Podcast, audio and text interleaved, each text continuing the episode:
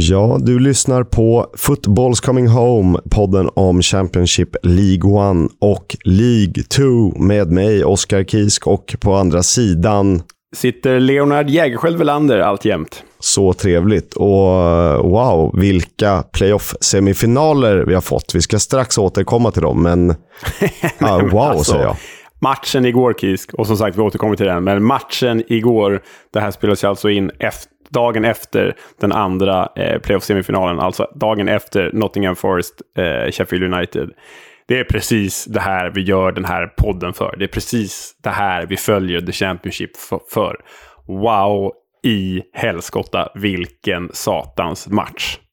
Ja, den är, kommer man bära med sig länge. Efter att ha kollat highlights från Reading Hull och Birmingham West Brom så får man, okej, okay, West Brom ska ju vara ett storlag, men då får man lite det är förtjänsten. Det är nu man kan, man kan plocka russinen ur kakan. ja. med, med, och slå sig för bröstet. Jag trodde Reading Hall var förtjänsten. Jag trodde det var belöningen. ja, den riktiga egentligen. Det är den vi gillar. Men det är lite så här, när det kommer ja. upp på den här nivån. Det är de bästa, eller nästan de bästa i ligan som faktiskt ska eh, mäta sig med varandra. Så har det en tendens att bli ruggigt bra. Och det blev det ju. Ja, när allt ställs på sin spets också. De här vinn och försvinna-matcherna, de är, är, de är otroliga. De är grymma och de är fantastiska. De är grymma. Vi ska eh, strax ta er igenom dem.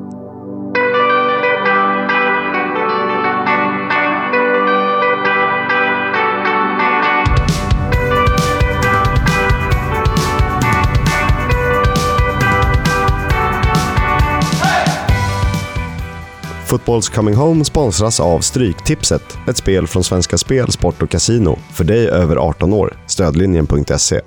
Det är ju alltså så att lag 3 möter lag 6 och lag 4 möter lag 5 i Championship i det som i folkmun kallas för playoff-semifinaler. Det betydde att vi hade sexan Luton som fick inleda hemma mot trean Huddersfield. Och vi börjar med den semifinalen och eh, det första mötet naturligtvis. Eh, Luton-Huddersfield 1-1. Mm, och det här var väl, om man hade fått känna på ett resultat på förhand så var det väl någonstans här man hade landat. Vi sa ju att Huddersfield var favorit inför det här dubbelmötet, men att Luton är svårbesegrade på Kenilworth Road. Och det var de ju här också. Man kan väl säga att det var eh, lika rättvist som förväntat, eller hur? Ja, eh, det är ju helt menlöst att eh, säga vad man hade tänkt göra innan som man aldrig gjorde. Men jag hade en tweet i utkast där jag, om jag hade fått tippat så hade jag nog sagt 1-1 på Kenilworth Road och 2-0 till Huddersfield. Det var inte allt för långt ifrån ändå. Eh, och jag tror att vi pratade i de termerna, givet det ganska bistra skadeläget för Luton också. Ja, alltså, för det får du ta med sig här också. Alltså, så många spelare som de saknar, det är väl ändå en tredjedel startelva. De som var borta för Luton, om inte mer. Eh, och med de små resurserna, att då ändå gå in och köra och kötta så jämnt som de gjorde mot Huddersfield, det är ju ändå imponerande. Men vi kanske ska ta det, ta det som det började. Det var ju faktiskt händelserikt och intensivt i perioder på Kenilworth Road. Eh, och det hade ju faktiskt kunnat börja med en straff när Huddersfields Harry Toffolo gick omkull. Men icke! Ingen straff den gången han har ju växt ut till någon, alltså han spelar ju på alla positioner utan att spela på alla positioner. Han är överallt på banan. Han är med i varje anfall och att han, han är ju längst bak när motståndarna anfaller. Otrolig form på honom just nu. Ja, för oss eh, HIF-are där ute, undrar hur många eller hur få HIF-are det är som lyssnar på den här podden, men för oss HIF-are där ute är ju liknelsen med Bisse-Krisse Kristoffer Andersson inte allt för långt bort ändå. Nej, det kanske inte är helt dumt, förutom att de spelar på varsin eh, och på ja, olika kanter. Visse var ju på alla kanter. Exakt, alla kanter. Alla, alla två. alla två.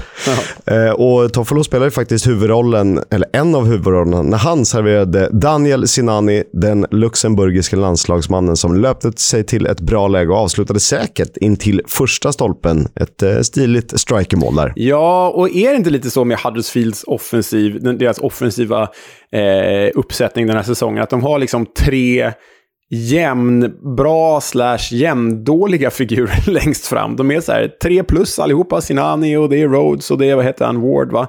Alltså ingen är... Och sen Dwayne Holmes har ju spelat lite där ja, också. Ja, precis. Alla är dugliga, men ingen är jättebra. Men ingen är heller kass. Alla gör jobbet och alla gör en ish. 8 12 mål per säsong. Liksom. Så det finns en bredd, men ingen jättehög spets. Men Sinani är ju en av, en av dem. Man gillar ju honom extra mycket bara för att han är luxemburgare. Det, det, det ska han ju ha. Så är det. Och eh, du är helt inne på rätt sak. Det är ingen spelare man känner att man säger, oh, vad vi ska eh, satsa på Sinani Ward i Premier League. Men de skulle lika gärna kunna göra sex mål var i Premier League när Huddersfield slutar på typ 17 plats. Exakt så. Verkligen så. Eh, sen dröjde det ungefär 18 minuter till att Luton kvitterade. En eh, fin, fin frispark från Cal Naismith, även kallad Caldini, som hittade eh, mittbackskollegan Sonny Bradley, gamla IK Frej-stjärnan. Han var säker från nära håll och tryckte in kvitteringsmålet. Och sen kanske Luton skulle haft straff. Mm, det var ju så att den kortklippte Cameron Jerome, vi minns ju honom från hans längre hårdagar när han sprang runt i både Stoke och Birmingham i Premier League. Men den kortklippte Cameron Jerome föll i duell med Lyon-produkten, måste ju sägas varje gång. Naby Sarr eh, fick dock ingen straff med sig den gången. Och vi har ju pratat om det förut. Skadeläget för Luton innebar ju att truppen är Ja, den mattades ju ut och spelarna såg ju väldigt slitna ut i den andra halvleken när Huddersfield tilläts dominera både boll och spel. Så var det och Cameron Jerome nyss nämnde Profilen hade ju förutom eh, målen kanske matchens farligaste chans när han vek in och med högerfoten försökte liksom skruva in den i bortre krysset. Och det är ju någon decimeter för högt eh, ovanför ribban. Tyvärr för hans skull. Annars ett väldigt fint avslut. Ja, äh, verkligen. Det var, det var nära för eh, Luton där i slutet, men som sagt, 1-1 var ju rättvist inför returen uppe i Yorkshire. 1-1 uteblivna straffar, 1-1 på resultattavlan när vi vände till Kirkleys, till eh, John Smiths Stadium. Och om man ser det över en hel säsong så är det naturligtvis rättvist att Huddersfield når en playoff-final och de gjorde ju det genom att besegra Luton med uddamålet på hemmaplan. Någonstans tråkigt med givna favoriter, men ah, det hårda slitet lönar sig. Förutom den här dystra perioden de hade i, var det väl november, december någon gång, så har ju Carlos Corberans manskap eh, verkligen haft flytet på sin sida. Och jag kallar det inte tur, utan de har det här flytet, den här medstudsen, saker som funkar. Och det är förmodligen på grund av hårt arbete och eh, en tydlig dedikation. Men ändå. Ja, och att liksom hela truppen har hängivit sig Corberans väldigt rörliga och dynamiska eh, taktik. Det är ju liksom, jag ska inte säga ordet totalfotboll, även om jag sa det precis nu, men det är ju spelare som rör sig i alla möjliga olika positioner under ett och samma anfall. Det är, vi nämnde ju Toffolo alldeles nyss, men det är inte bara han som är väldigt mångsidig, utan det är flera andra spelare i Huddersfield som rör sig över väldigt stora ytor och tar ansvar i flera olika positioner. Och det gör ju förstås väldigt mycket för det här Terriers som har då liksom gått från en bottenstrid förra året till en tredje plats det här året och en, och en eh, playoff-final. Men vi var inne på det i förra avsnittet. Tittar man på XG-tabellen så eh, från säsongen så är ju Huddersfield bara ett mittenlag. Så de har ju fått ut mer än vad XG påstår i alla fall alltså förväntade mål. Eh, men de är ju så oerhört trygga och stabila. Det såg vi även här i returmötet då. Även om det dröjde ganska lång tid innan de faktiskt avgjorde den här matchen mot Luton, trots att de var ganska dominanta, eh, förutom i inledningen då Luton faktiskt var eh, ganska fina. Ja, jag tycker inte jag kände igen tröttheten från eh, Lutons hemmamatch. Eh, när de såg liksom, inte uppgivna ut, men nästan så här, ah, men det här går ju inte. Ska vi göra det utan Adebayo, Onjedinma, Osho med flera, med flera? Eh, utan det här var verkligen så här, okej, okay, det här är våra sista 90 minuter på säsongen. Kanske 120, kanske några straffar. Vi, vi måste ge allt och det hade Nathan Jones spridit på ett fint sätt. Eh, sen räckte det inte hela vägen, för såklart Jordan Rhodes, vem annars eh, ska vara där, när han slog till efter en fin Sorba Thomas, på tal om rörliga spelare. En frispark i 82 minuten och då kändes det ju som game over. Ja, det är ju ett riktigt bra avslut av Jordan Rhodes. Störda försvarare, får, får liksom stöter till den i bortre och då är, ska vi säga så att Sorba Thomas byttes ju in i den här matchen, om jag minns rätt. Han började på bänken efter sina skadeproblem. Så det är en jäkla fin inhoppare att slänga in här. Eh, men typiskt Jordan Rhodes-mål, typiskt att han skjuter upp, vad är det, sin tredje, fjärde klubb i, i Premier League, om han nu gör det. Han har ju petat upp eh, Norwich för bland annat. Eh, Också Rhodes 118 mål i Championship Kisk. Då är han alltså på fjärde plats i listan över målskyttar i The Championship. Två mål bakom Ross McCormack. Han kanske två mål i finalen, tre mål i finalen så går han ju om Ross McCormack. Ja, det kanske var lite väl att ta i. Men jag vill minnas att vi i några av våra tidiga avsnitt av den här podden i säsongsinledningen pratade om Jordan Rhodes-figurer. Toppen av the Championship, för dåliga för Premier League. Eh, vi har ju Grant Holt och, och så vidare och så vidare. Ett eh, 20-tal härliga. Ricky Lambert, ja. ja. Ja, absolut. Carry Jerome någonstans. ja, men det är ju en sån spelare, han är Jordan Rhodes. Så också kul att han liksom tagit sig in i laget här på slutet. För jag menar, under hösten var han ju, fick han ju inte mycket speltid. Det är ju på våren som han har kommit in och tagit en plats. Eh, dels på grund av skador och sådär, men också faktiskt spelat bra. Och vi gillar ju när alla vägar bär till Jordanien. Vi drar den fortfarande. Vi drar den fortfarande. Och det visar ju också hur, det, hur viktigt det är med ett fungerande system och att alla vet sin uppgift i laget. För då spelar det ingen roll om anfallaren heter eh, Harry Kane eller Jordan Rhodes. Det är kanske är ett dåligt exempel, men det blir ju liksom... Man underkastar sig systemet. Eh, och där verkar ju Carlos Corberan vara en man för, för den stora scenen. Ja, ja, ja, verkligen. Det här är oavsett om det blir Premier League eller inte för Huddersfield så har väl Corberan visat att han är Bielsa-skolad och att han har större klubbar och uppdrag framför sig i framtiden. Men du, det här blir också ett adjö till ditt kära Luton och eh, det var väl när Rhodes satte 1-0 här i 82 minuten. Då såg man ju att Luton var slutkört och tröttkört. För då fanns det ju ingenting kvar. De lyckades ju inte med någonting de sista tio minuterna. Caldini klev upp på någon slags vänster mittfältsroll och skulle mata in bollar. Men eh, det fanns ju ingenting i Luton efter 1-0 målet. Nej, eh, och det, blev, det slutade ju 1-0, vilket betyder att det blev 2-1 totalt Huddersfield i playoff-finalen på Wembley. Och Nathan Jones var väl besviken mest på motståndarsupportrarna som sprang in och hånade Luton-spelare istället för att fira med sina egna. Och eh, i stridens hetta kan man väl förstå det. Det är ju, så vitt jag vet så var det ingen som eh, det var någon tjafs med Jordan Clark, eh, såg jag. Men det var ju mer munhuggning. Och det är väl gränsfall. Han kallar dem i alla fall en absolut disgrace. Och eh, det finns grad i helvetet. Vi ska återkomma till dåliga firanden snart. Mm. Eh, och sen får vi bara hatten av för the Hatters. Alltså tillsammans med Blackpool, minst budget i hela The Championship tar sig till en playoff-semifinal. Och snälla, låt dem fortsätta vara bra även nästa säsong. För de här liksom, sagorna, de, vi lever ju för de här skrällarna för de här sagorna. Men det finns ju också, vi har sagt det förut, vi säger det igen, Luton skulle kunna bli ett nytt Barnsley. Vi hoppas inte, men det kan bli så. Risken är att de tappar typ Adebayo och en sån som Caldini skulle kunna gå någon annanstans, men vi hoppas inte det. Och Harry Cornick också. Ja, ja. Nej, vi hoppas inte. och han, ändå, ändå, han har ändå inte varit startman hela säsongen. Nej, men hans vår har ju varit, har varit väldigt fin. Och sen Nathan Jones, jag menar, han har ju stuckit när han har fått chansen förut. Det gör han väl igen om någon större klubb av sig. Så vi får se. Eh, jag läste att, vad är det, det är åtta år sedan de spelade non-League fotboll. Och det, de har på sex år aldrig slutat sämre än säsongen innan. Vilket betyder att de har hela tiden klättrat. Då är ju frågan, vad väntar nästa år? För det känns ju osannolikt givet vilka lag som åker ur, vilka som är kvar. West Brom till exempel. Stoke, eh, som kanske är på nytt för att de ska eh, eh, lyfta igen. Men jag vågar inte tvivla heller. Nej, Nej vi får se.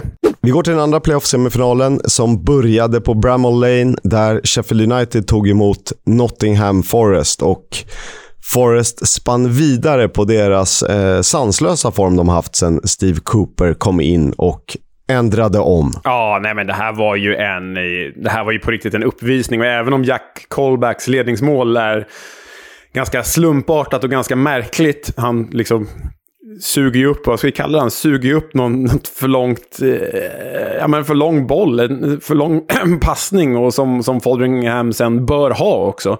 Men trots det målet så, det här var ju Forest show. Alltså på riktigt, nu är jag ju Forest biased i det här dubbelmötet, men Forest kunde ju ha vunnit den här matchen med 4-0 istället för 2-1 som det faktiskt blev. Ja, och på tal om det första målet. Det börjar ju med att Sam Surridge, som också har gjort en jättefin eh, vår i, eh, i brist på andra spelare på topp, tar hand om en boll som nästan är för lång, krigar in den. Samtidigt då halkar ju Osborne och eh, det ger Zinkenagel ett drömläge. Han eh, skjuter rakt på och då står Jack Holback där, redo på returen som Fotheringham släpper. Eh, lite taffligt av Blades ändå, som gör upp och ner. Det vet vi. Och de blev ju upp sen. Mm. Kul att Colback har klivit fram, den här jävla antihjälten i både Newcastle och Sunderland från, från Premier League-dagarna. Har nu liksom gått och blivit någon slags superhjälte. När han dessutom får spela på Forrests vänsterkant istället för på det centrala mittfältet. Ja, det, han imponerar. Det gjorde även Fodringham, eh, måste hyllas. Han, eh, han har koll på de bollar som han ska ta. Eh, sen kunde han inte ta allt. Eh, och Sheffield United höjde sig faktiskt till andra halvlek, tog över spelet. Eh, även om de saknade viss skärpa i sista tiondelen. Och Det är väl det som är lite nackdelen med Morgan Gibbs White. Att han vill gärna göra allt och han vill göra det otroligt snyggt. Mm. Och, men sen då när, när eh, Brennan Johnson klev in i handlingarna, vi måste prata om det här 2-0-målet. För det är ju förstås Brennan Johnson, eh, den egna produkten som vi lyfte tidigt i höstas, som vi får självgoda, som sätter 2-0 här med 20 minuter kvar av matchen. Men framspelningen av eh, inhoppande Joe Lolly, den är makalös. Han har ett skottläge och en, en back på sig, väldigt hårt trängd till vänster i straffområdet. Passar Brennan Johnson som friställd, lägger in 2-0. Men frågan är, Kisk, är Joe Lollys framspelning, är det medveten eller är det ett misslyckat skottförsök? Vad tror du? Oh, bra fråga. Man vill ju alltid sätta Brennan Johnson i en bra position. Så jag säger medveten framspelning. Ja, då är den ju, och då är det en av säsongens framspelningar. Den är otroligt bra, är den. Helt sant. Sheffield United fick in ett eh, ack så viktigt reduceringsmål, ett tröstmål, Sander Berge i 91.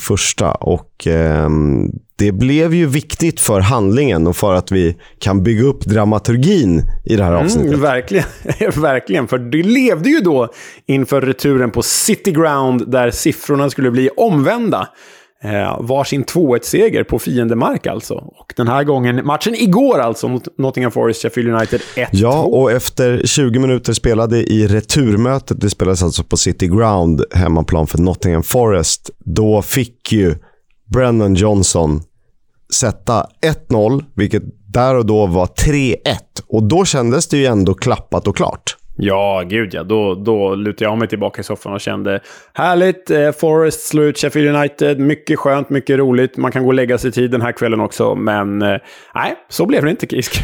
Och ni som följer oss i sociala medier vet det redan, men vi måste ändå dra det. Eh, året är 2003. Nottingham Forest möter Sheffield United i en playoff-semifinal. Då gör David Johnson mål i båda mötena. Och eh, Johnson är ju inte ett ovanligt namn. Men han har också en son som heter Brennan Johnson. Som också i en playoff-semifinal för Nottingham Forest mot Sheffield United har gjort mål i båda mötena. det är så jäkla bra. Det är det här vi, vi jag älskar ju fotboll för det här. Det är ju... Det är så bra. Det hade ju räckt med om det var far och son i Nottingham Forest. Men att det är far och son i Nottingham Forest i playoff-semifinal i bägge mötena mot samma lag i, i form av Sheffield United. Äh, det, det, är ju liksom, det är nästan påhittat. Så bra är det. Då föll Forrest. Eh, nu följer ju inte Forrest. Och, eh, såg du bilderna på David Johnson på läktaren? Han såg ju sådär eh, härligt glad ut som man bara kan göra när ens barn har gjort något riktigt, riktigt bra. Ja, nej, han var ju helt överlycklig. Han jublade ju mer än hela arenan tillsammans. Ju. Men eh, det var ju faktiskt Blades match det här och strax efter paus så eh, tände Morgan Gibbs White hoppet i matchen när de hade hyfsad kontroll över tillställningen ändå, får man säga. Ja, Forrest blir ju för försiktiga efter ledningsmålet.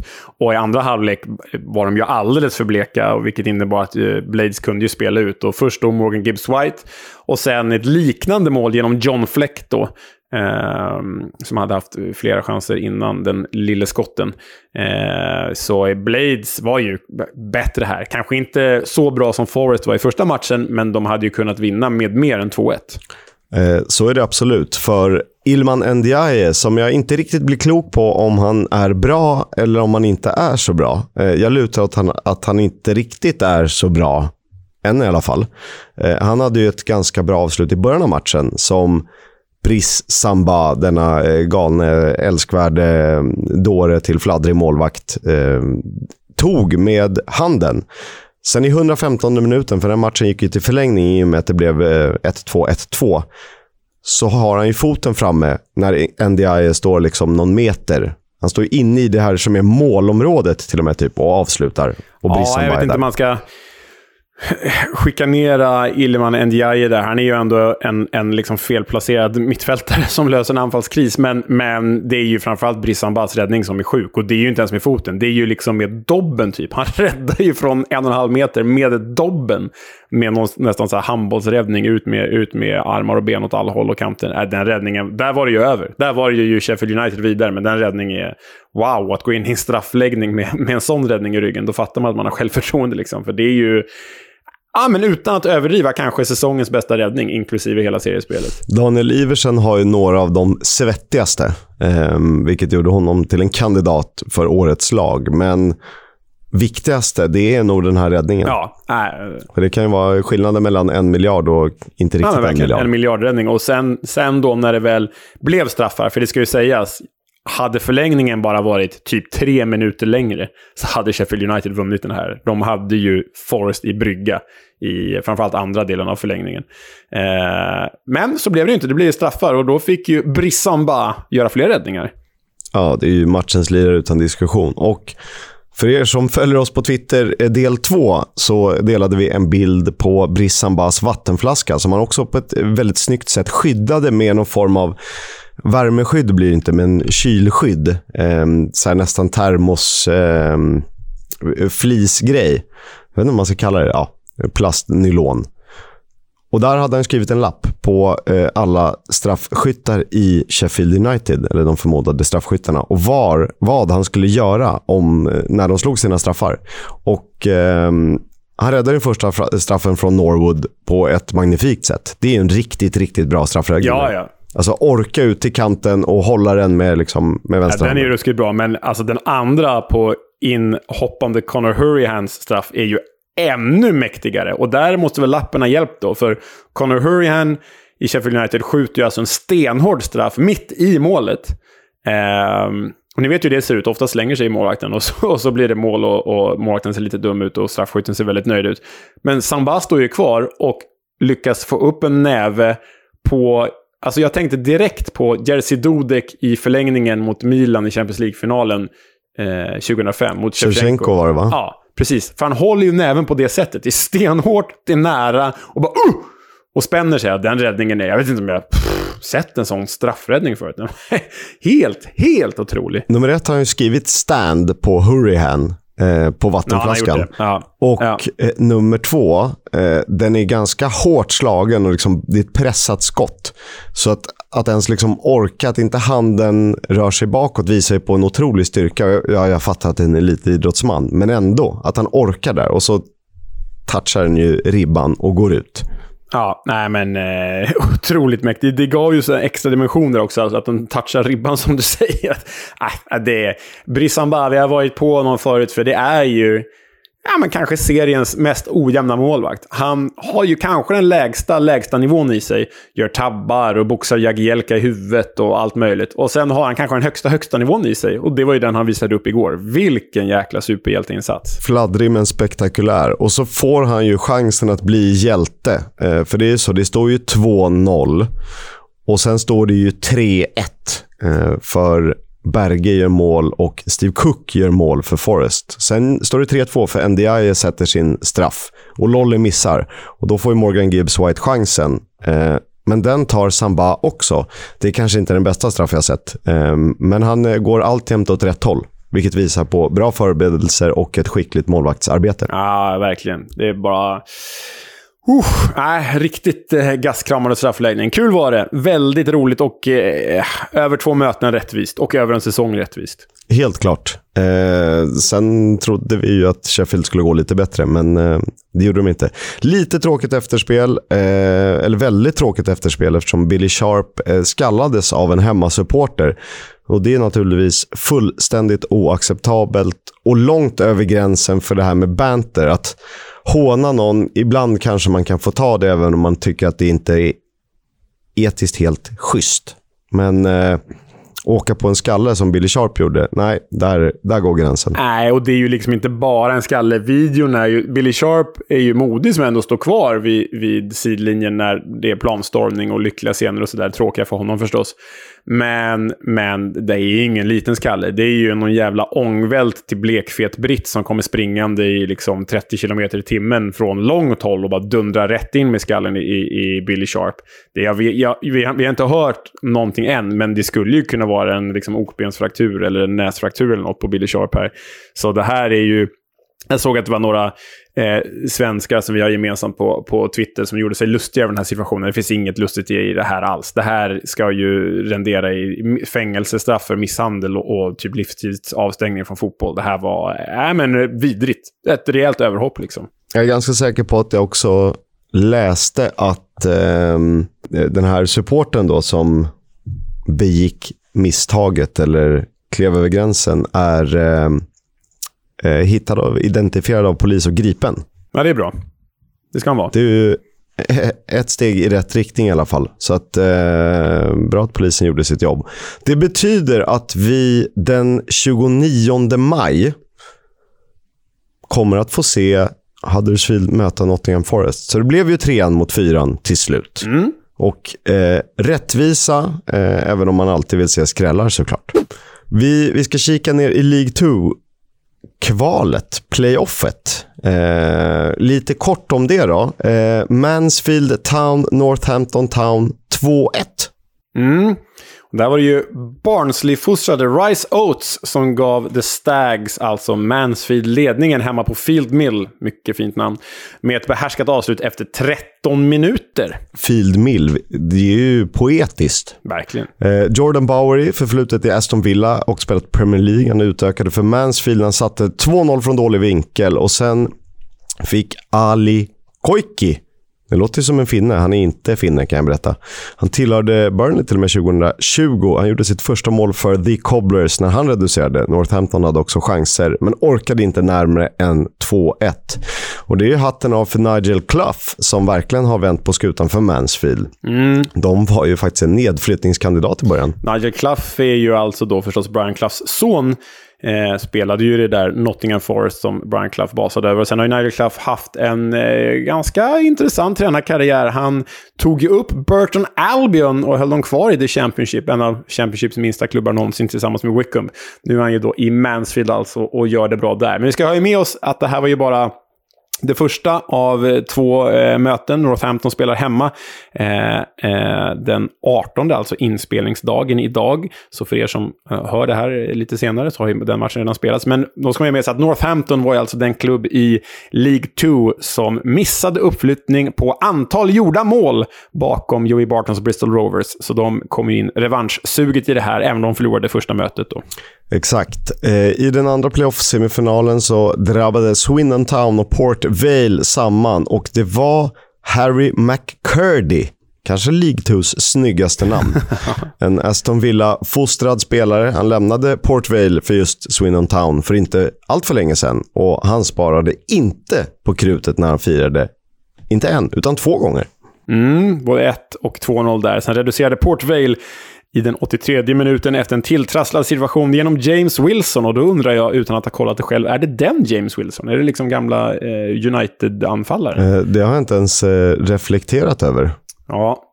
Ja, det är det. Men det är Kul. klart att det är. Han var väl i Wigan och härjade också. Ja. Det blev ju inte vad man trodde att han skulle bli riktigt. Brighton och Aberdeen och Salford och Sheffield United och Derby. Ja. Ja, du Bara ser. Allt skräp går igenom Derby. Och, de, och den matchen spelas alltså returmötet den 19. Eh, det är torsdagen den 19 maj och ingenting annat. Eh, så vi kan inte ge er de matcherna, men eh, väl värt att kolla på om, inte, om de inte redan spelats när ni lyssnar.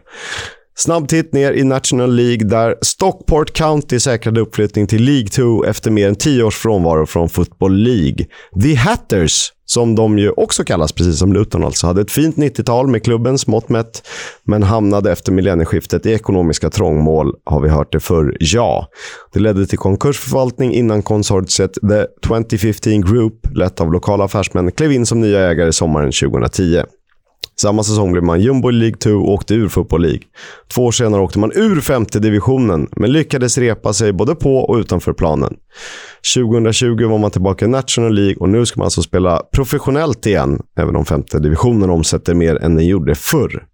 Och I National League är det så att tvåan och trean går direkt till varsin playoff-semifinal. Där ställs de mot vinnaren i respektive playoff-kvartsfinal. Eh, walesiska Wrexham och Solihull, Solihull Moors eh, från West Midlands är redan klara för semifinal. Och I kvartsfinalen möts de klassiska lagen Notts County och Grimsby Town. I den andra möts Halifax Town och Chesterfield. De matcherna spelas 23 respektive 24 maj. Vi borde ju bara nästa år ta tio dagars semester och åka på alla de här semifinalerna från National League och uppåt. Det vore roligt. Ska vi inte starta en sån här Swish-journalistik-kampanj eh, och säga stötta oss och live, live-voddar vi direkt från England när vi glider runt mellan Halifax och Wembley och fan och hans ja, moster? kan försöka. Ge oss pengar. Vi lovar att eh, försöka jobba. Vi underhåller, ni betalar. Precis. Jake Daniels, vilket oerhört mod. Den 17-årige Blackpool-mittfältaren blir den första öppet homosexuella professionella fotbollsspelaren i Storbritannien sedan Justin Fashionow som kom ut 1990. Och han hyllas ju av hela fotbolls-Europa med all rätt. Ah, men det här är så... Ett, välbehövligt. Två, så modigt. Och tre, Ja, men så, så skönt det måste vara för honom. Vi, vi läste ju Jack Daniels eh, uttalande och Blackpools pressrelease och även såg intervjun med Jack Daniels. Och eh, nej, men att vara... Nej, det är svårt att sätta ord på det här, för det är så oerhört viktigt. Du har ju sett spelare som kommit ut förr, men ofta då efter, efter karriären, till exempel Thomas Hittelsberger. Det är också viktigt. Men att vi är där vi är, Kisk, 2022. Att det, ska, att det här ska behöva bli en stor grej, vilket är väldigt viktigt att det blir. Men det är sjukt att, att jag läste kommentarerna på Blackpools pressrelease. Det finns ju många, många, många människor som stöttar Jake Daniels i det här, men det finns många galna människor där ute också som, eh, som eh, är, ja, men är ute efter blod. Och man ska ha med sig då att Justin Fashanu Eh, eh, bror till John Fashanu, han eh, begick ju självmord efter eh, allt tryck som han fick på sig eh, efter att ha kommit ut. Så det är ju med enormt mod man gör så här, för man får ju massa idioter efter sig, tyvärr. Det är en liten, eh, ett sidospår. Jag vill väl minnas att John Fashanu och Justin Fashanu inte riktigt drog jämnt, va? Jag vill minnas att Nej, John ja. skötte det där allt annat än snyggt. Och det man hoppas för Daniels skull är ju att han slipper eh, några sunkiga gamla brittiska, eller gamla, inte brittiska, gamla värderingar och att han får spela fotboll och att han liksom lyckas med sin dröm såklart. Ja, vi hejar på Jake Daniels. Poddgäst kanske i framtiden. Det vore ju fantastiskt. Vi har ju lite gäster på gång. Ehm, har vi lite flyt så kanske vi får en Nottingham Forest special inför playoff-finalen och vi har eventuellt en till på gång som kan bli någon form av bonus. Det får ni se. Någon, någon, form av säsongsavslutning. Det får vi se.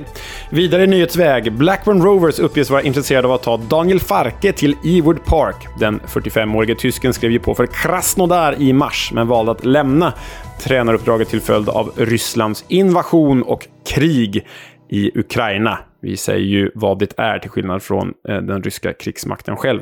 Även Gareth Ainsworth i Wickham, Carlos Carvajal, tidigare i Reading, numera i Braga, och Chris Hewton som lämnade Nottingham Forest i höstas har nämnts som nya tränare på Ewood Park. Paul Ince har fått förlängt som manager för Reading och eh, det kan man ju säga vad man vill om. Samtidigt är Mark Bowen tillbaka som Head of Football Operations efter att inte ha kunnat rädda Wimbledon från degradering till League 2. Och listan med spelare som utan kontrakt kan göras lång. Swift, Laurent, Jadom, Hoylet, Holmes, Halilovic, Barker och Morrison. Bachirou, Drinkwater och Baba går tillbaka till sina klubbar efter att lånen har löpt ut. Och Den stora frågan är, hur i hela friden ska Reading kunna klara sig nästa säsong? Du, jag sa på det. Det gör de inte. Nej, det här är ju... Och dessutom har de ju kanske inte den starkaste ekonomin i Championship. Nej, det blir ett tufft år för alla Royals där ute. I eh, Londons eh, andra periferi så spelar ju Watford Championship nästa säsong och kan göra det med Pontus ba Dahl, Balberg. Dahlberg heter han i kassen. Ben Foster, eh, Jonas Olssons gamla vapendragare, kommer att lämna klubben i sommar. Det är bekräftat. Men insatserna i Doncaster och Gillingham imponerade ju inte från Dahlbergs sida. Övriga målvakter i The Hornets är österrikaren Daniel Bachmann, 36-årige Rob Elliot och nigerianska landslagsmannen Maduka Okoye. Kan ju också tillkomma en ny keeper där. Det kan du definitivt göra. Finns några att välja på. Fulham är intresserade av Mainz 05s Jean-Paul Boetius vars kontrakt med Bundesliga-klubben löper ut i sommar. Även Borough, Norwich och Watford monitorerar situationen. Vad har vi på Boetius? Ja, vi får nästan fråga Kevin, vår klippare, tror jag. Det är han som kan mest om Mainz. Kort instick här från tysken, eh, klipparen. Ja, Jean-Paul Boetius, ursäkta mitt uttal, Leo, du kan ju franskan bättre än jag. Men han har i alla fall spelat i Mainz de senaste säsongerna. Regelbundet offensiv teknisk mittfältare. Rätt så målfarlig, gör kanske inte så många mål eller poäng på det sättet, men han är där uppe och hugger. Kommer ju från Feyenoord tidigare innan han spelade i Mainz, så det blir spännande att se. Hans kontrakt går ju ut med Mainz, så det blir ju ett, ett billigt så kallat köp. Över till er, kompisar. Kör hårt. Antoine Semenyo, Bristol City-anfallaren som gjorde 12 mål på 31 framträdanden, har ställt in siktet på Premier League. Han har kontrakt med The Robins ytterligare en säsong och ambitionen är finrummet. Men det kan komma tidigare än så, då bland andra West Ham vill ha den 22-åriga anfallaren. Cyrus Christie spelade 44 matcher för Nottingham Forest säsongen 2020-2021 på lån från Fulham. Den gångna säsongen har han representerat Swansea, som vill erbjuda honom ett kontrakt efter att avtalet med Fulham gått ut. Även Forest uppges vara sugna på att ta tillbaka den snart 30-årige högerspringaren. Callum O'Dowda lämnar Bristol City efter sex år när hans kontrakt nu löper ut. En i sina bästa stunder fenomenalt rolig mittfältare att titta på. Sju klubbar sägs jaga den här yttern, där Cardiff nämns som en av dem. Och det är väl lite känsligt att gå från Bristol City till Cardiff, Seven-Side Derby. Exakt, Lee Trundle-derbyt. Bournemouth är på jakt efter ny målvakt till Premier League. Bartlomiej Dragowski, till vardags i Fiorentina, uppges ligga högst på listan för både Cherries och deras då eh, ja, inte rivaler, men i alla fall sydkustkonkurrenter, Southampton.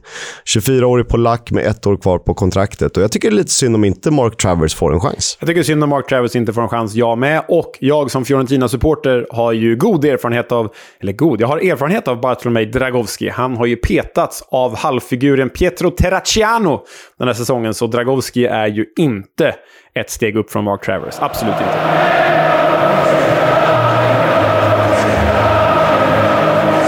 Footballs Coming Home sponsras av Stryktipset, ett spel från Svenska Spel, Sport och Casino. För dig över 18 år. Stödlinjen.se. Nog för att den här podden avhandlar engelsk fotboll under Premier League. Men på söndag avgörs den sista omgången och till nästa säsong av Footballs Coming Home välkomnar vi Norwich tillbaka till vårt finrum. Way! Way! Match 7 på kupongen då. Norwich mot mitt eh, Tottenham som ju spelar om en Champions League-plats.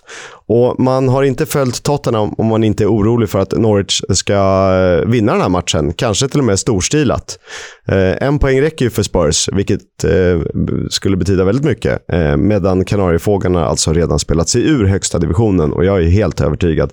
Den här matchen måste helgarderas. Eh, det står skrivet i stjärnorna.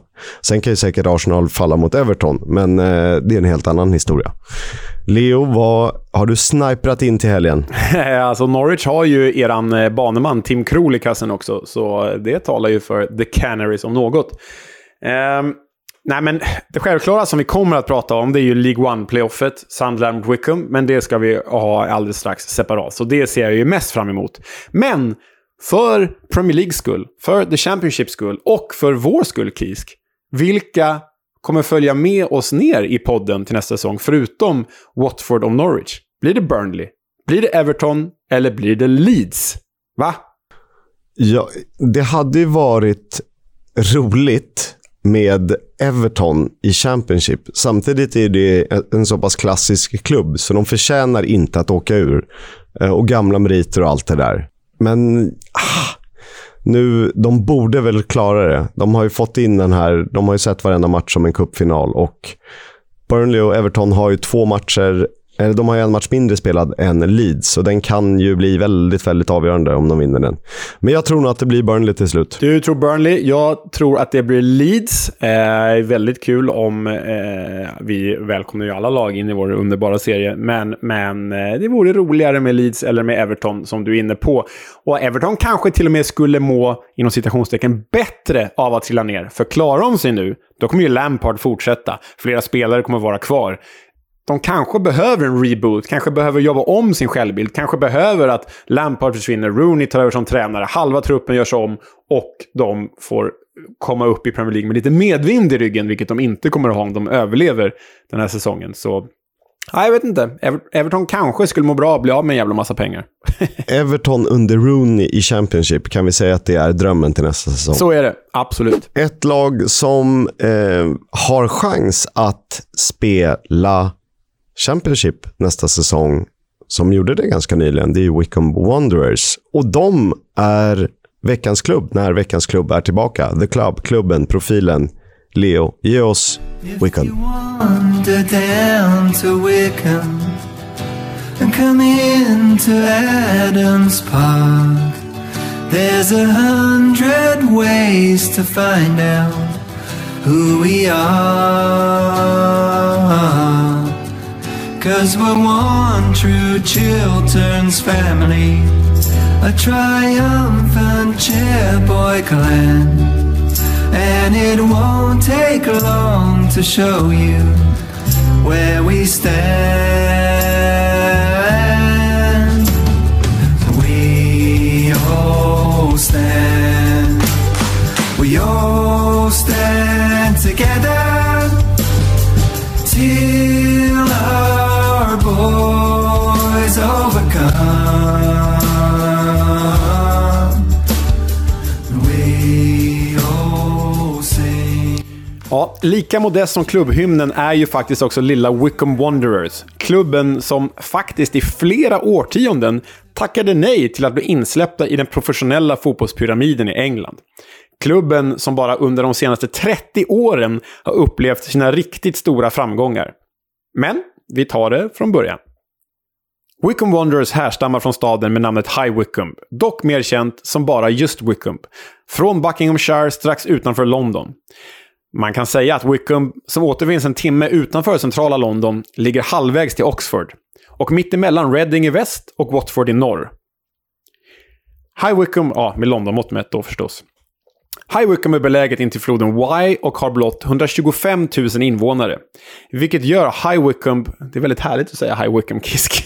jag, har varit, jag har varit inne på Google Maps så många gånger och kollat eh, arena och allt sådär. Jag är väldigt sugen på att åka dit. Ja, jag med. Det ska bli höstens resa kanske. En, en ett stopp på vägen i alla fall.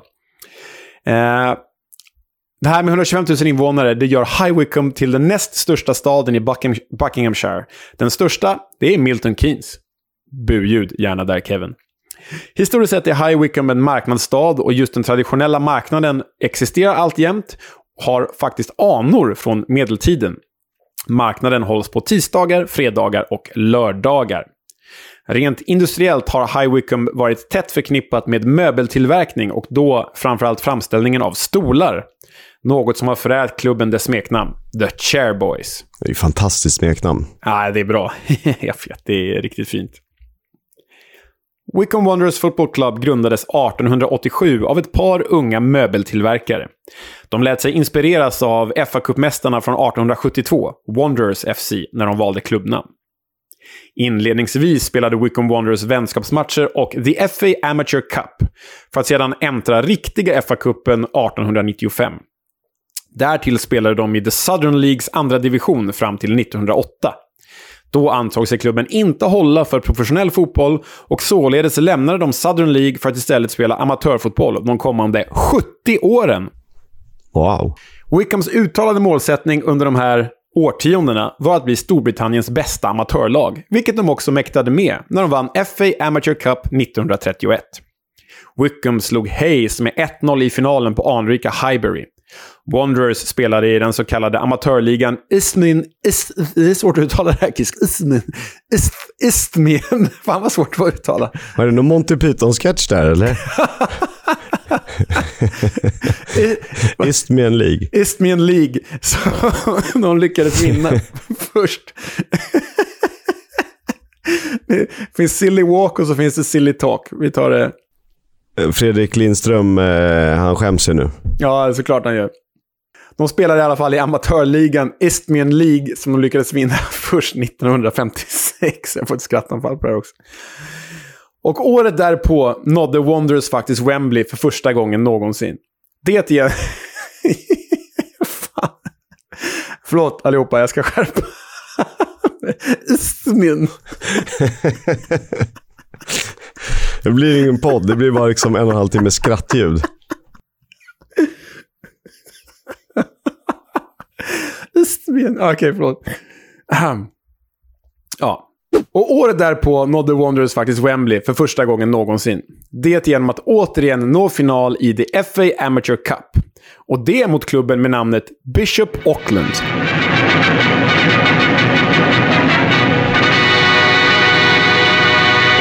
This is Movietone. Jeffrey Sumner reporting.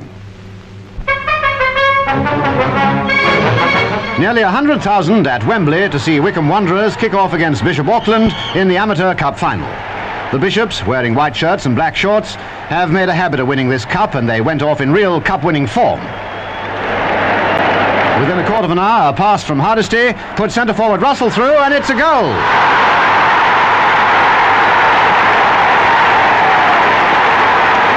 The Wanderers, paying their first visit to the wide open spaces of Wembley, now got into their stride and seized the initiative.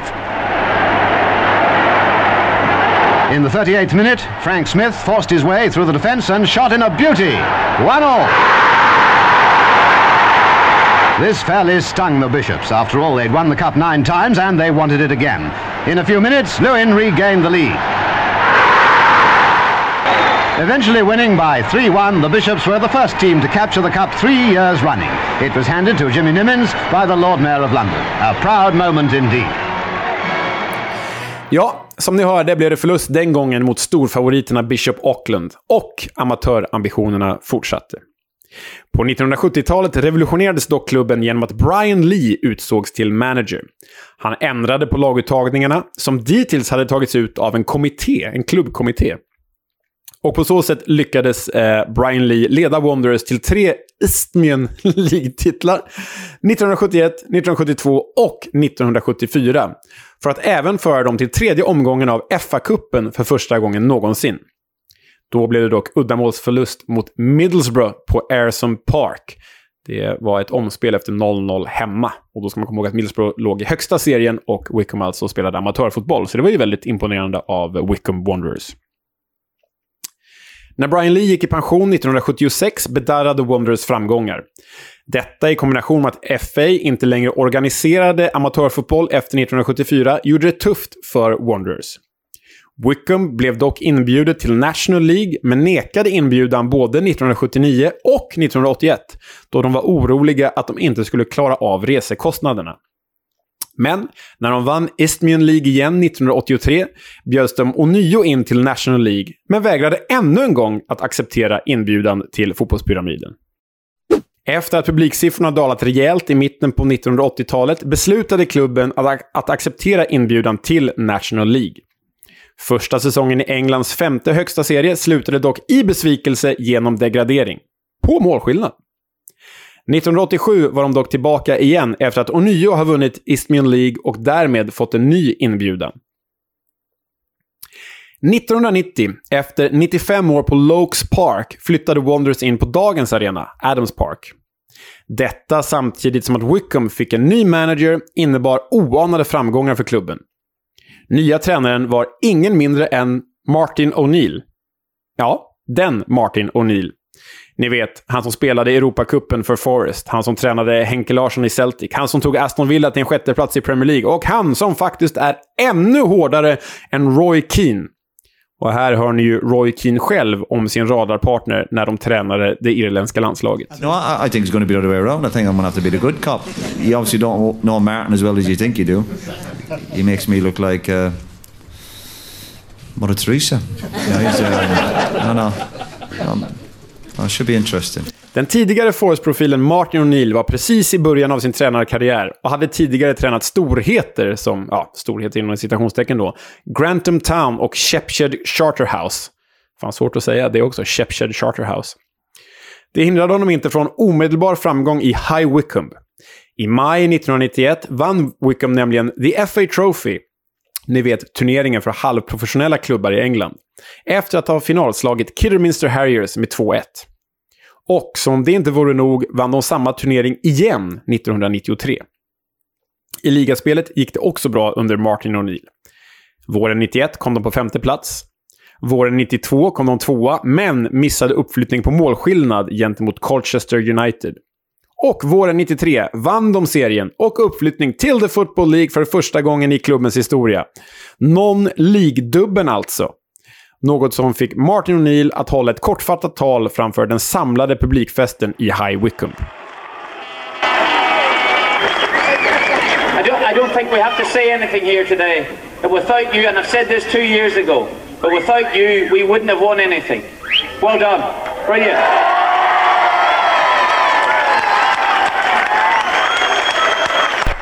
Det var alltså det kortaste tal som en fotbollstränare eh, hållit någonsin. han, känns ju, han känns ju ganska direkt, Martin O'Neill. Ganska rak. Säsongen 93-94, alltså året efter non-League-dubben, så fortsatte de osannolika framgångarna då O'Neill ledde The Chairboys till sin andra raka uppflyttning. Upp till Division 2 genom att slå Preston North End i playoff-finalen. Wembley Stadium erupts in a torrent of noise as Wycombe Wanderers and Preston emerge for this Division 3 playoff final. Wycombe, of course, have been here now three times in the last. Carroll could go all the way here. Oh, what a goal! That is a goal in a thousand.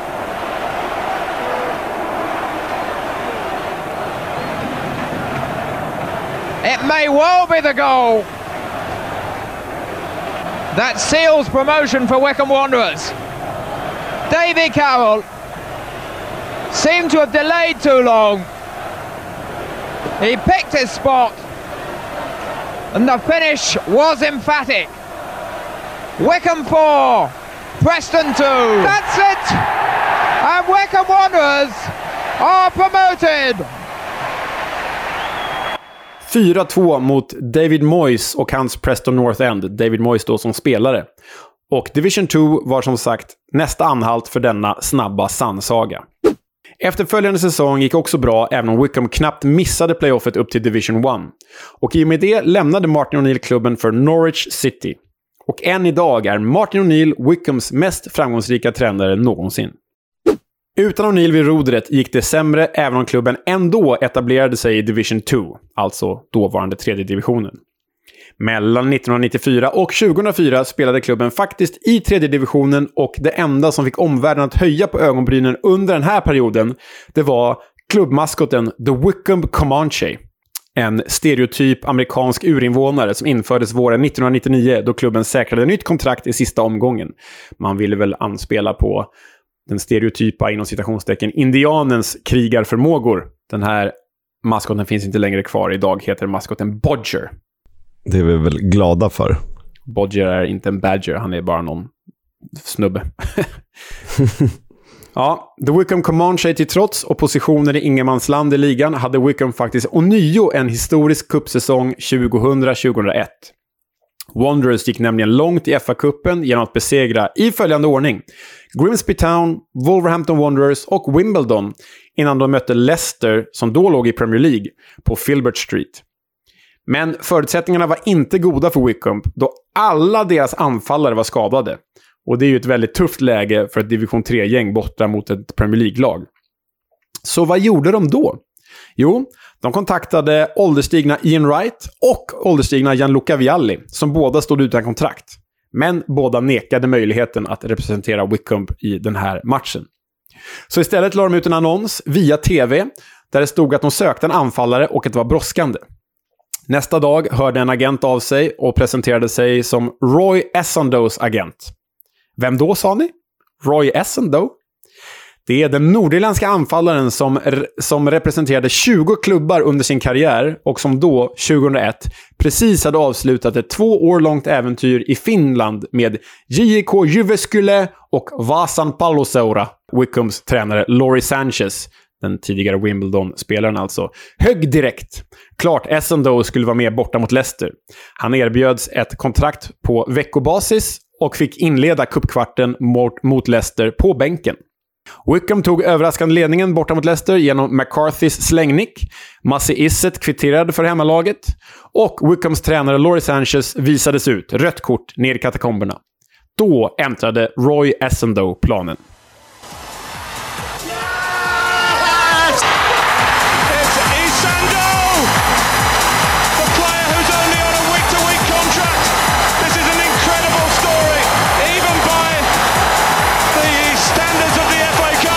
Nej, det är ju eh, för bra för att vara sant. Det är overkligt. Från ja, ganska svaga år i finska seriespelet till att direkt debutera och borta slå Leicester som är Premier League-lag. Det är starkt Roy Essendon. Hans höjdpunkt i karriären. Vi får tyvärr be om ursäkt för musikmattan som förstör kommenteringen lite i det här klippet, men det var det bästa vi kunde hitta. Roy Essendon blev alltså matchvinnare med sitt veckokontrakt och sköt därmed lilla Wickham Wanderers till semifinal i FA-cupen. Det var för övrigt det enda målet som Roy då gjorde för Wanderers. I semifinalen väntade dock Liverpool, som blev numret för stort då Emil Heskey och Robbie Fowler såg till att matchen slutade 2-1 i Liverpools favör. Keith Ryan gjorde The Chairboys mål.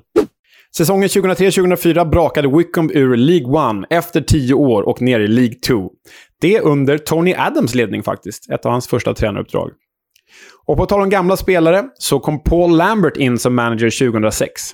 Han ledde klubben till semifinal i ligacupen, men lyckades inte ta upp dem från League 2.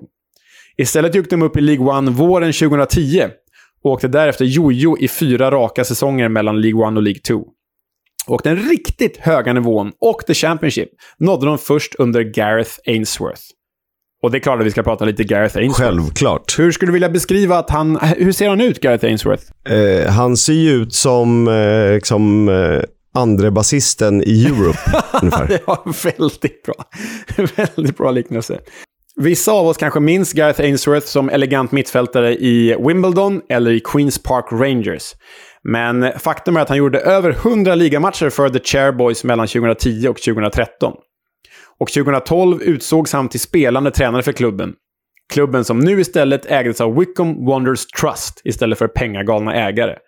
Och din liknelse du gjorde där, Kisk, den är ju inte så fel. För han har ju faktiskt ett band och det finns ett reportage på The Guardian där han står och sjunger i något rockband liksom och är, är, är någon pudelrockar-variant liksom. Så värt att googla Gareth Ainsworth. Vet du vad han har sagt då? Nej, berätta. I'd rather be Mick Jagger than Lionel Messi.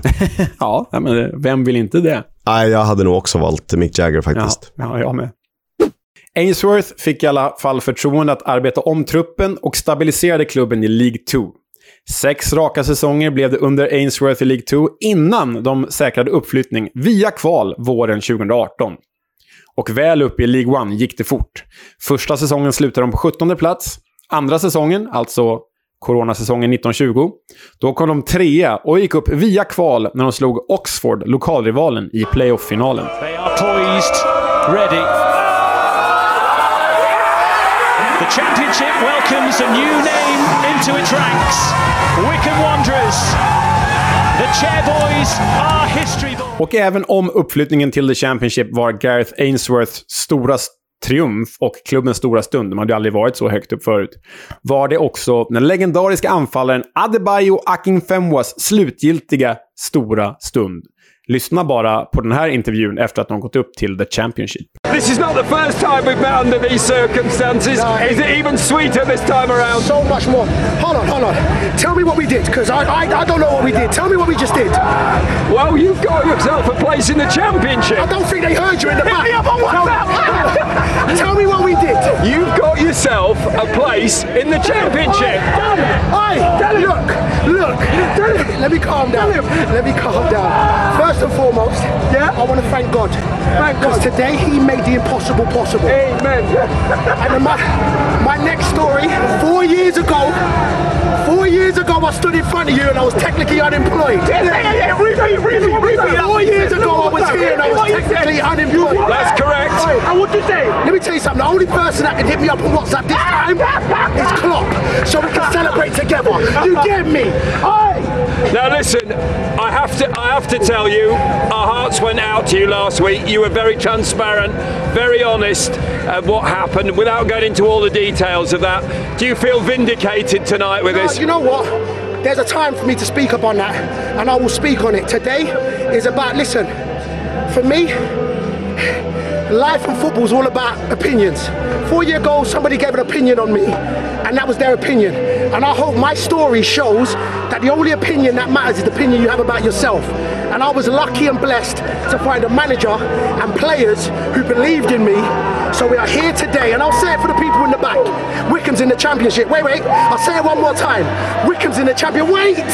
People in the back didn't hear me. Wickham is in the championship. And can I ask you one thing? Go on. Are we both still going to be employed in a couple of years' time? I don't know. I'm gonna go rest and sleep for four weeks. Hey, listen. Thank you, blessings. Wickham's at this. Hey, you Let's get your in. manager in. You better come in here. Oi, let me tell you something. Look, I'm listen. I'm not even gonna hog it. The best manager in the league, and I'm talking about the championship because that's where Wickham is. And listen, before you go, just give us a quick opinion on his shoes. They're whack. They are they are terrible, but they're lucky, so we can wear them anytime. Hey. Uh, ja, d- Akin Fenwa och Ainsworth är ju två otroligt härliga karaktärer på olika sätt. Nej, det är en sån sanslös intervju här när Akin Fenwa bara kör sin grej och sen sågar Gareth Ainsworths skor som också ser ut att höra hemma i, i Europe på 80-talet. och för er som missat det är ju alltså Adebayo Akin Fenwa, den här numera 40-åriga anfallaren som har öst in mål i framförallt League 2 men även League 1 som väger typ 120 kilo i bara muskler liksom. Eh, Beast mode. Beast Mode, precis. Han gör ju nu eh, ja, men sina sista dagar som Wickham-spelare. För han kommer ju sluta i Wickham och kanske till och med karriären efter den här playoff-finalen mot Sunderland. Så det finns ett väldigt trevligt eh, eh, reportage, jag vet inte om det var BBC eller The Guardian, på YouTube i alla fall, där de följer Adebayo Akinfenwa under hans sista tid i Wickham. Det är väldigt mysigt. Han är väldigt snäll mot gamla tanter och små barn. Eh, och så är han väldigt rolig också. Han är en mysig medmänniska och eh, råkar vara rätt hyfsad på fotboll och eh, en jävel på bänkpress. Ver- Verkligen. Synd att han håller på Liverpool bara. De ska göra det också. Ja. Och det blev ju bara en säsong i The Championship för Wickham, Ainsworth och Akinfenwa. Men nu är de ju faktiskt bara en final mot notoriska förloraren Sunderland innan de är tillbaka. Och det är ju inte helt omöjligt. Framförallt inte med tanke på att Akinfenwa allt jämt är med och vill göra en historisk match i Wickham. Det är ju också klubbens bästa målskytt i det IFL genom historien. Typ bara 60 baljor, men ändå. Sunderland ska ju vara eh, stora favoriter med allt vad det innebär. Men jag undrar om inte Wickham gillar att vara den där lilla underdogen som knappt är professionella, som eh, har någon gammal pudelrockare till tränare och en muskelbyggare till eh, anfalls-S. Och ja, de, jag tror att de trivs i den positionen. Ganska mysig klubb ändå. Det är, nej, men de, är väldigt, det säger man efter varje klubb man gör, men väldigt sympatiska, väldigt eh, eh, mysig känsla får man för dem. Jag åker gärna till Adams Park. Eh, kan ju som sagt vara ett alternativ om vi ska åka i Stor-London i, i höst, eller var vi nu hamnar. Men eh, är Wickham sympatiskt och det här leder just då in på eh, playoff-finalen till The Championship då Wickham möter Sunderland. Där du säger att det här passar nog Wickham. Och vi vet ju av erfarenhet att Sunderland mår ju inte bra av pressen att vara den stora klubben som måste upp. Det mår de inte alls bra av. Eh, först och främst stilig övergång. Det är sånt eh, vi tycker om i den här podden. Och Wickham kom ju med lite på nåder, även om de hade tre poäng ner. Så eh, av det man har sett har det inte alltid varit eh, spikrakt uppåt, även om de avslutade säsongen snyggt och grejade den sista eh, playoffplatsen. Det är ju faktiskt femman mot sexan i League One, eftersom både MK Dons, yes, och Sheffield Wednesday, nej, missade finalen. Ja, så är det. Och då är det så här, på lördag, det är alltså den 21 maj, då möts Sunderland och Wickham Wanderers i playoff-finalen upp till The Championship. Matchen kommer dömas av domaren Simon Hooper. Och faktum är att lagen aldrig hade mötts i en tävlingsmatch förrän säsongen 2018-19. Sedan dess har de mötts sex gånger där Sunderland har vunnit tre och Wickham bara en. Sunderland har spelat tre Football League-finaler och aldrig vunnit. De förlorade mot Swindon 1990 och mot Charlton både 98 och 2019. Det är faktiskt bara så att Reading och Sheffield United har förlorat fyra finaler utan att vinna någon. Mm. Sunderland har ju inför den här finalen 15 raka matcher utan förlust. nio segrar, sex oavgjorda. Wickham följer mot MK Dons i returen, som ni vet. Men det var ju efter 13 raka matcher utan förlust. Så det är ju på det stora hela två ganska formstarka lag som möts i denna final. Som dessutom kommer att använda VAR. Vad vi nu eh, tycker om det. Det spelar mindre roll. Det kommer att användas. Då blir det ju rätt, eh, säger någon. Eh, Lee Mason kommer att vara VAR-domare och eh, när den här podden spelas in, onsdag den 18 maj, så är 65 000 biljetter sålda och jag tror väl att det kan bli typ ett rekord för en eh, League One playoff-final. Ja, där pratar jag med din och min gamla kollega från Viasat, Tobias Karlsson, som numera är min kollega på TV4. Eh, han är ju eh, hockeyreporter eh, och programledare och producent. Men han är också stor Sandland-supporter. Han ska åka dit till matchen och eh, kolla. Eh, och eh, han berättade att än så länge har ju biljetterna varit jämnt fördelade på klubbarna. Men Sunderland är ju liksom inte ens dubbelt så stor räcker inte med, med Wickham. Den är ju tio gånger så stor som Wickham. Så han sa att om Wickham inte eh, säljer ut de här eh, sista biljetterna de har så lutar det att de biljetterna kommer omallokeras till Sandland-supportrar. Då kan det bli ännu mer än 65 000 på finalen. Kanske blir 75 000, varav typ 70 procent är Sandland-supportrar. Ja, det blir häftigt oavsett. Eh, kortfattat, det är ju ett tag kvar till matchen spelas, så att eh, spekulera i startelvor och sådär. Inga större skadeproblem i Sunderland förutom att Carl Winchester är högst tveksam till spel. Men de har ju några eh, fina profiler i The Black Cats. Mm, bland annat har de då Alex Pritchard, eller som den engelska kommentatorn envisades med att säga, Alex Pritchard. Pritchard från Tottenham. Ja. Och så eh, matchhjälten då, Ross Stewart, Dan Neal, Lyndon Gooch, Luke O'Nine. Ja, det finns många, för den här nivån, fina spelare i Sunderland. Och om vi tittar på Wickham så är en av nyckelspelarna, Anis Mehmeti, tveksam till spel.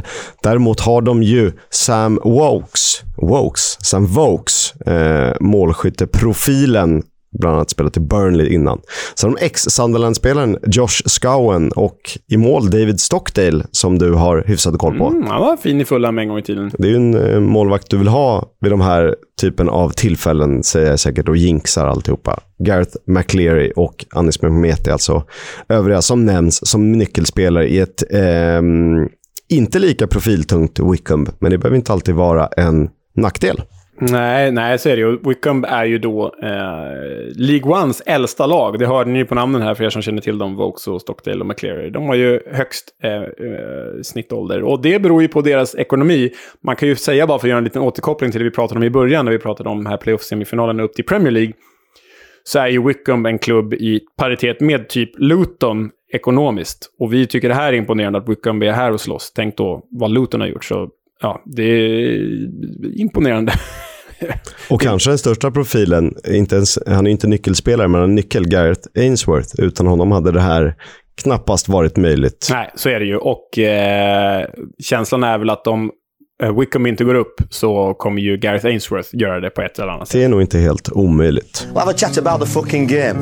About your game, last few months, last few weeks. Fucking character. Jag, jag blir lite ledsen. Neil Warnock eh, verkar gömma sig nere i Cornwall eller vad han håll, håller till. Han har väl sagt att han i, kan, har erbjudit eh, sina tjänster till Plymouth Argyle vid behov. Vi återstår att se hur involverad han kommer vara i den klubben framöver. Mm. En Warnock-grej hände ju dock igår faktiskt i eh, playoff-semin eh, mellan Forest och Sheffield United. Det var ju att Sheffield Uniteds tränare Paul Heckingbottom, eller som vi kallar honom, som hans eh, Twitter-bio säger, Feckingbottom.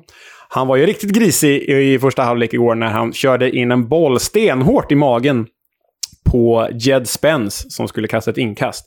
Då blev det ju lite palaver och bråk. Men då svarade ju Nottingham Forest-publiken eh, genom att eh, skandera mot Feckingbottom. Så skanderar de “You're just a shit Neil Warnock, you're just a shit Neil Warnock”. det är roligt.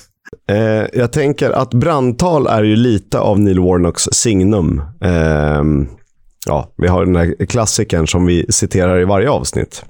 Men Scott Parker, när Bournemouth säkrade en av två direktplatser upp till Premier League, var ju mångordig i omklädningsrummet. Jag tycker ändå att vi tar och lyssnar på det. I. We don't need too much emotion in certain moments, that we need to show our quality in certain moments. And at times that game becomes a basketball match. Who wants a basketball match? Us or them? They want the basketball match. They want the game to go boom, boom, boom. And while at times we want that, because I believe the longer the game goes on, that will come into our hands, lads. We don't want it constantly. We don't want it constantly. And understand, be brave in certain moments, lads. So on the regains at times, quickly recognise when we can attack and when we go play, out, Jay-Z, back to that, reset, play and work your moments, boys. Because why it becomes a basketball match is one, at times we're not brave. So ball comes into us here, we're looking, stay on the ball a little bit. It's a man for man game up front. He's got the beating of him every time, lads. The first action of the game, he don't want a bar of him, lads. He doesn't want any of him. Every time he's in a foot race with him, the same with Phil. Anything aerially, if we have to go there, he's got a beating of it. That's fine. But understand in certain moments on the top end of the pitch, it's a man for man game. Well, a man for man, a man for man game for me, as a coach of yous, is perfect. Good example when we're brave, when we always have Nat as our, as our man. It's exactly what we've practiced, lads. It's exactly what we've gone through. Play, Lloyd good position. This boy causing some problems in, in his positioning for us, but don't deter us. Phil down, perfect, top team. Jay-Z space. Down the sides, control. Lewis Cook, where's that? Stop. Where's that release ball, lads? Now, what we thinking here? It's getting tight, isn't it? It's getting tight. Where's that release ball? Keep going. Release. Nat Phillips. Lastly, lads, do not let this become an emotional game. I said at the start, lads, they've got it all to do. Not us. Not us, boys. They have. So understand it. Be brave in our moments. Manage the game at times as well. Understand at times we're going to have to go long and not a problem at all if their press is right. Perfect balance. But understand as well, lads, the front five in this team, in our team, in my team, are deadly against this team. So get him in a foot race, get into our feet, be creative in and around the edge of the boxes. The other side of the game, do it to a T like you have. And we go again. Let's go, let's go. Left footed, it's a cheeky one. Square! And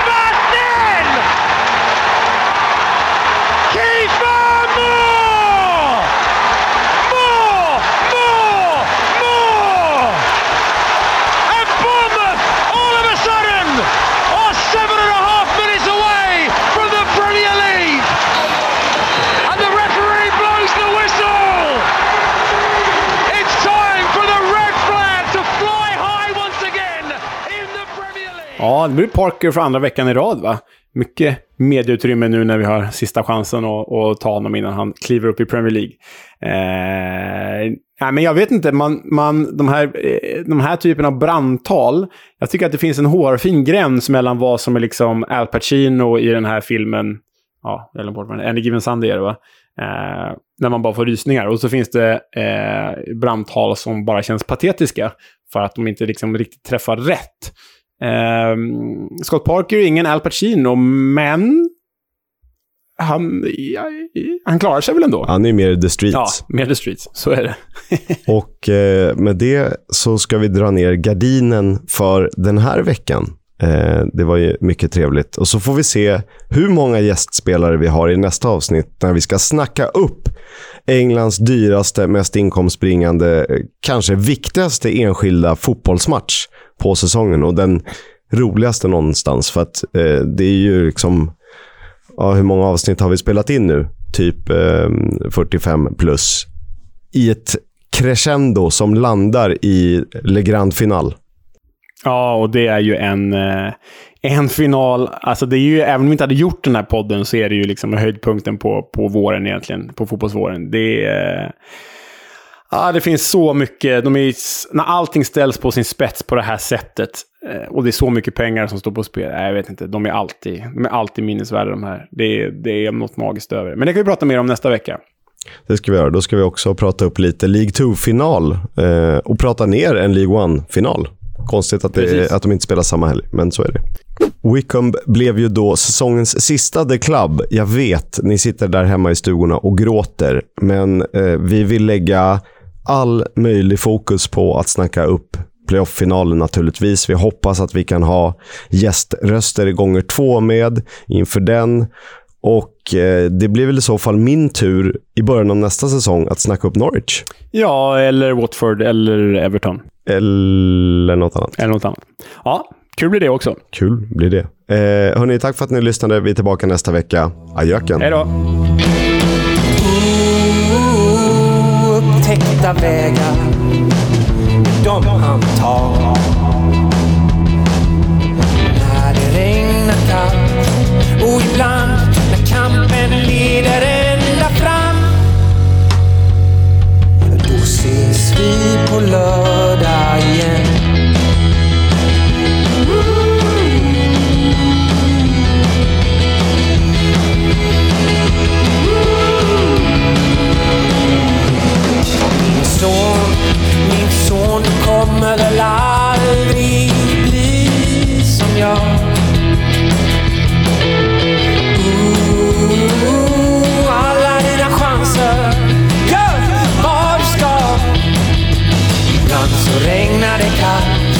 Men till slut blir